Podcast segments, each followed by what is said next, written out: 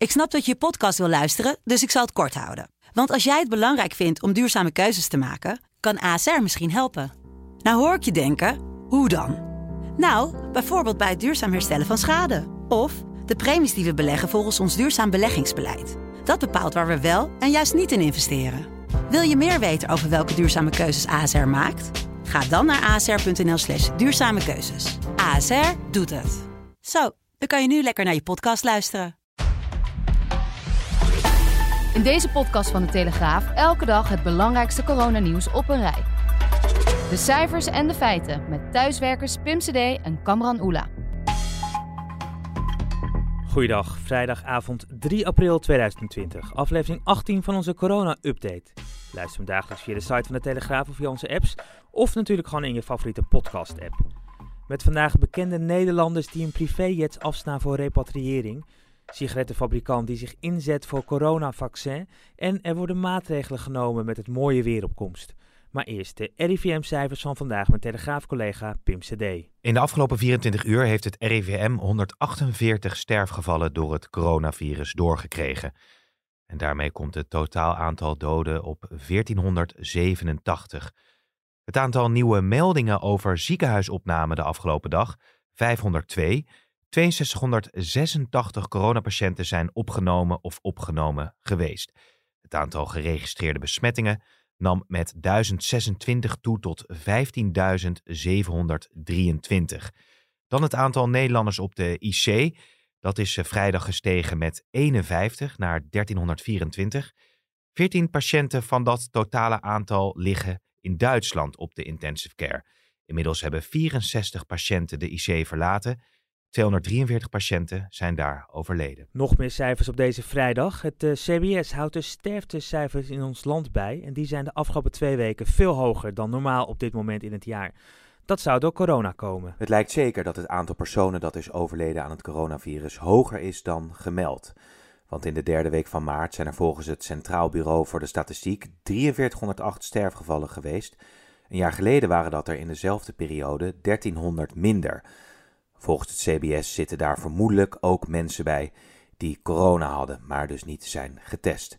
Neem bijvoorbeeld het woonzorgcentrum Brinkhoven in Heerde. Van de 70 bewoners zijn er 18 overleden, maar ze zijn niet getest op corona. Artsen hebben vastgesteld dat de doodsoorzaak corona was en dat is ook gemeld aan de GGD. Maar of dat ook in die coronastatistieken terechtkomt, dat is onduidelijk. En dan opmerkelijk nieuws over de mondiale jacht op een werkend vaccin tegen corona. Inmiddels zijn er wel 90 kandidaten mee bezig. En daar zit ook een sigarettenfabrikant bij, dat vertelt verslaggever Sylvan Schoonhoven. British American Tobacco, een van de grootste tabaksfabrikanten ter wereld. Maker van onder andere Lucky Strike en Kent sigaretten. En nou, uitgerekend zij gaan zich nu ook richten op een vaccin tegen COVID-19.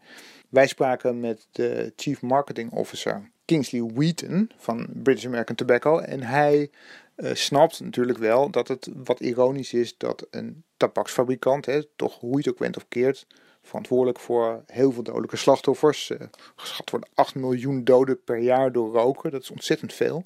Maar zij gaan zich nu richten op het redden van levens. Dat is natuurlijk best ironisch. Hij snapt dat, maar hij zegt van ja, wij zoeken natuurlijk al langer naar een alternatieve toepassing van die tabaksplant. En wij hebben die technologie. De wereld vraagt er nu om. Dus wij uh, gaan proberen op die manier toch een bijdrage te leveren. En wij willen daar geen geld mee verdienen. Nou, even afwachten natuurlijk of deze kandidaat het gaat redden, want er zijn heel veel vaccinkandidaten in de race. Maar ja, wie weet komt straks de redding van de mensheid wel uit handen eh, van een tabaksfabrikant en uit de, uit de nerven van een tabaksblad. Dat zou toch een opmerkelijke wending zijn in het hele coronaverhaal. We houden ons allemaal goed aan de regels, maar komende zondag dreigt het toch lastig te worden voor veel mensen. Als het kwik stijgt naar temperaturen boven de 20 graden. Premier Rutte is kraakhelder bij zijn persconferentie deze vrijdag. Het mag dan prachtig weer worden. Zoek geen parken of stranden op en blijf het liefst gewoon thuis. Het is niet zo dat we zeggen je mag niet naar buiten. Uh, als jij op een, een, klein huisje woont met drie kinderen, je hebt de hele week thuis gewerkt en die kinderen onder controle proberen te houden, je hebt nauwelijks een balkon of een tuin, dan snap ik best dat er mensen zijn die even een frisse neus gaan halen. Dat mag in je eigen buurtje, maar ga niet naar het park of het strand. Doe dat in je eigen buurtje. Doe het het liefst alleen. Als je het met anderen doet, hou die anderhalve meter afstand. En ik zeg ook, als je nou het geluk hebt wat ruimer te wonen en je hebt een mooi balkon of een grote tuin, blijf dan liever daar. Want dat betekent dat de kans nog kleiner wordt dat mensen tegen elkaar opbotsen. En nogmaals, dat zijn de momenten dat het mis kan gaan. En we weten dat met die afstand de kans van de overdracht van de besmetting echt enorm veel kleiner is. Anders kan er worden ingegrepen, zo waarschuwt de premier. Parken en stranden die kunnen worden gesloten. En mensen die de regels overtreden worden beboet. Vorig weekend zijn er 600 bonnen uitgedeeld door handhavers. Ook de gemeente Amsterdam geeft een duidelijk signaal af, vertelt verslaggever Mike Muller. In de hoofdstad en in de omliggende gemeenten, dat is de, de veiligheidsregio Amsterdam-Amsteland, worden voor komend weekend inderdaad aanvullende maatregelen genomen. Uh, dat is omdat er toch een vrees bestaat dat veel mensen op pad gaan. In elk geval houdt dat in dat er een vaarverbod gaat gelden, uh, in elk geval in de binnenstad van Amsterdam. En ook de sluizen die worden alleen opengezet voor de beroepsvaart, dus niet voor de pleziervaart. Dus mensen worden echt opgeroepen om thuis te blijven. Ga niet met je bootje het water op. Uh, het wordt gewoon veel te druk en dat wil men voorkomen. Tweede maatregel is in elk geval dat de parken worden gemonitord in Amsterdam. Uh, dus stel dat het te druk wordt, ja, dan wordt uh, gewoon het park dichtgegooid en wordt het leeggeveegd. Ja, omdat we toch in het verleden ook hebben gezien dat er te veel mensen samenklitten dan in zo'n park. En dat is gewoon niet goed. Dus ga alleen naar buiten voor een uh, noodzakelijk ommetje. Dat is toegestaan, maar ga geen uitgebreide ja, uh, recreatie uh, beoefenen. En een uh, derde maatregel um, ja, die genomen wordt is eigenlijk een oproep vooral aan wielrenners. Blijf alsjeblieft thuis. ga niet met grote groepen samen de fiets op. Blijf gewoon thuis. Natuurmonumenten en Staatsbosbeheer roepen mensen op om natuurgebieden dit weekend te mijden. Geniet van de zon in je tuin of op het balkon. Zo luidt de boodschap. Nog altijd wachten tienduizenden Nederlanders op repatriëring. Ze hopen zo snel mogelijk terug te keren naar huis. Het ministerie van Buitenlandse Zaken en KLM hebben een luchtbrug geopend naar Australië en Nieuw-Zeeland. Telegraafcollega Erik Nusselder is een van die mensen die in Nieuw-Zeeland zit en terug probeert te keren. Hij praat ons bij. Wij in Nieuw-Zeeland wachten nog altijd op nieuws over repatriëringsvluchten en er lijkt nu echt schot in de zaak te zitten. We hebben in het nieuws gelezen dat de KLM mensen gaat terughalen, maar voor ons is er nog geen duidelijkheid over wanneer we dan precies terug mogen. Het lijkt erop dat eerste mensen in Australië worden opgehaald en dat wij nog minstens een week moeten wachten. En vanaf vandaag kun je alles lezen over uh, hoe wij thuis proberen te komen in een dagelijkse blog op de website en in de app van De Telegraaf. En uiteraard lees je dat ook in onze krant. Ondertussen zijn bedrijven zelf ook hun personeel uit verre buitenlanden terug aan het halen. Vaak mensen die daar werken en met hun hele gezin zitten. John de Mol blijkt zijn privéjet daarvoor beschikbaar te hebben gesteld, zo wist Menno Zwart te melden op sociale media. De regeringsvliegtuigdeskundige en kenner van privéjets, die vertelt daarover. Gisteravond is het toestel van John de Mol naar Kaapstad vertrokken. Hij is vannacht geland, heeft een paar uur aan de grond gestaan in Kaapstad en is daarna weer teruggevlogen naar Europa. Het gaat dus om Nederlanders. Het zijn werknemers van een groot Nederlands bedrijf. Er zitten ook kinderen tussen, dus het uh, zal waarschijnlijk hun gezin zijn. En er zat zelfs een zwangere vrouw bij. Het vliegtuig van John de Mol is een Falcon zakenjet. Het is een Falcon 7X en de registratie is PHTLP.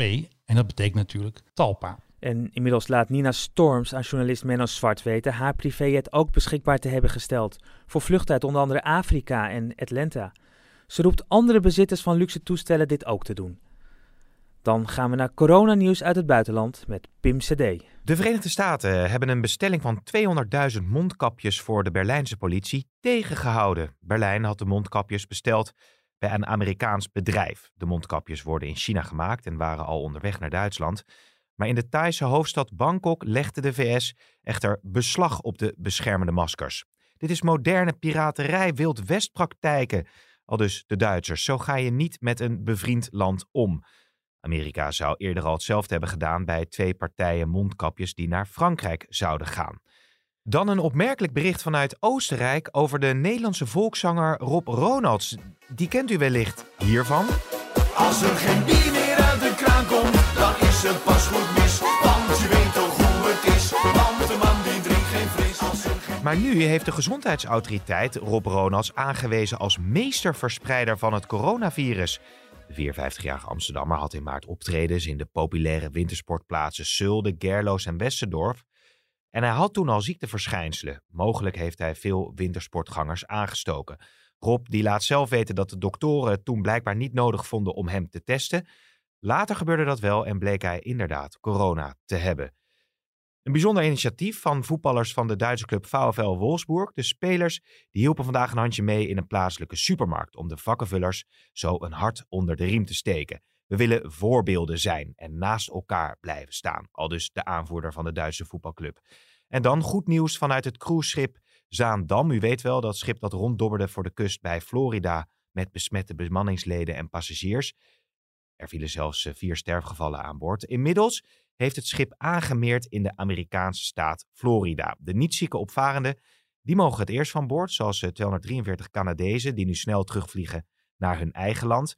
Het zogenaamde ontschepen duurt nog even, maar hopelijk kunnen ook de vijf Nederlanders en een overleden landgenoot snel van boord. Dan tot slot nog wat korte coronaberichten door Pim. De AEX die sloot aan het einde van de week 1,4% lager op 471 punten. De 20 voetbalclubs uit de Premier League hebben beloofd gezamenlijk 20 miljoen pond, dat is zo'n 22 miljoen euro, te doneren voor de strijd tegen het coronavirus. Het geld gaat naar de gezondheidszorg daar en kwetsbare groepen. Mooi initiatief. Google dan heeft berekend dat Nederlanders ondanks de coronacrisis nog relatief veel op stap gaan. Google kan de mobiliteit van inwoners van verschillende landen bijhouden. En wat blijkt? In Italië en Spanje is het bezoek aan winkelstraten of recreatieplekken met 94% gedaald. En in Nederland met maar 65%. En dan tot slot, elke vrijdag geeft Davina Michel een concert in een leeg Ahoy. Deze keer doet ze dat met Ellen Clark en Glenn Vaar. gevecht in met elke medelander. Niemand laten vallen en niemand laten zitten. De sterke nam de buitenkant, de zwakke in het midden. Nu zoeken we verkoeling bij het stijgen van de hitte. Vervagen onze verschillen en alle geloven bidden. 17 miljoen mensen op dat hele kleine stukje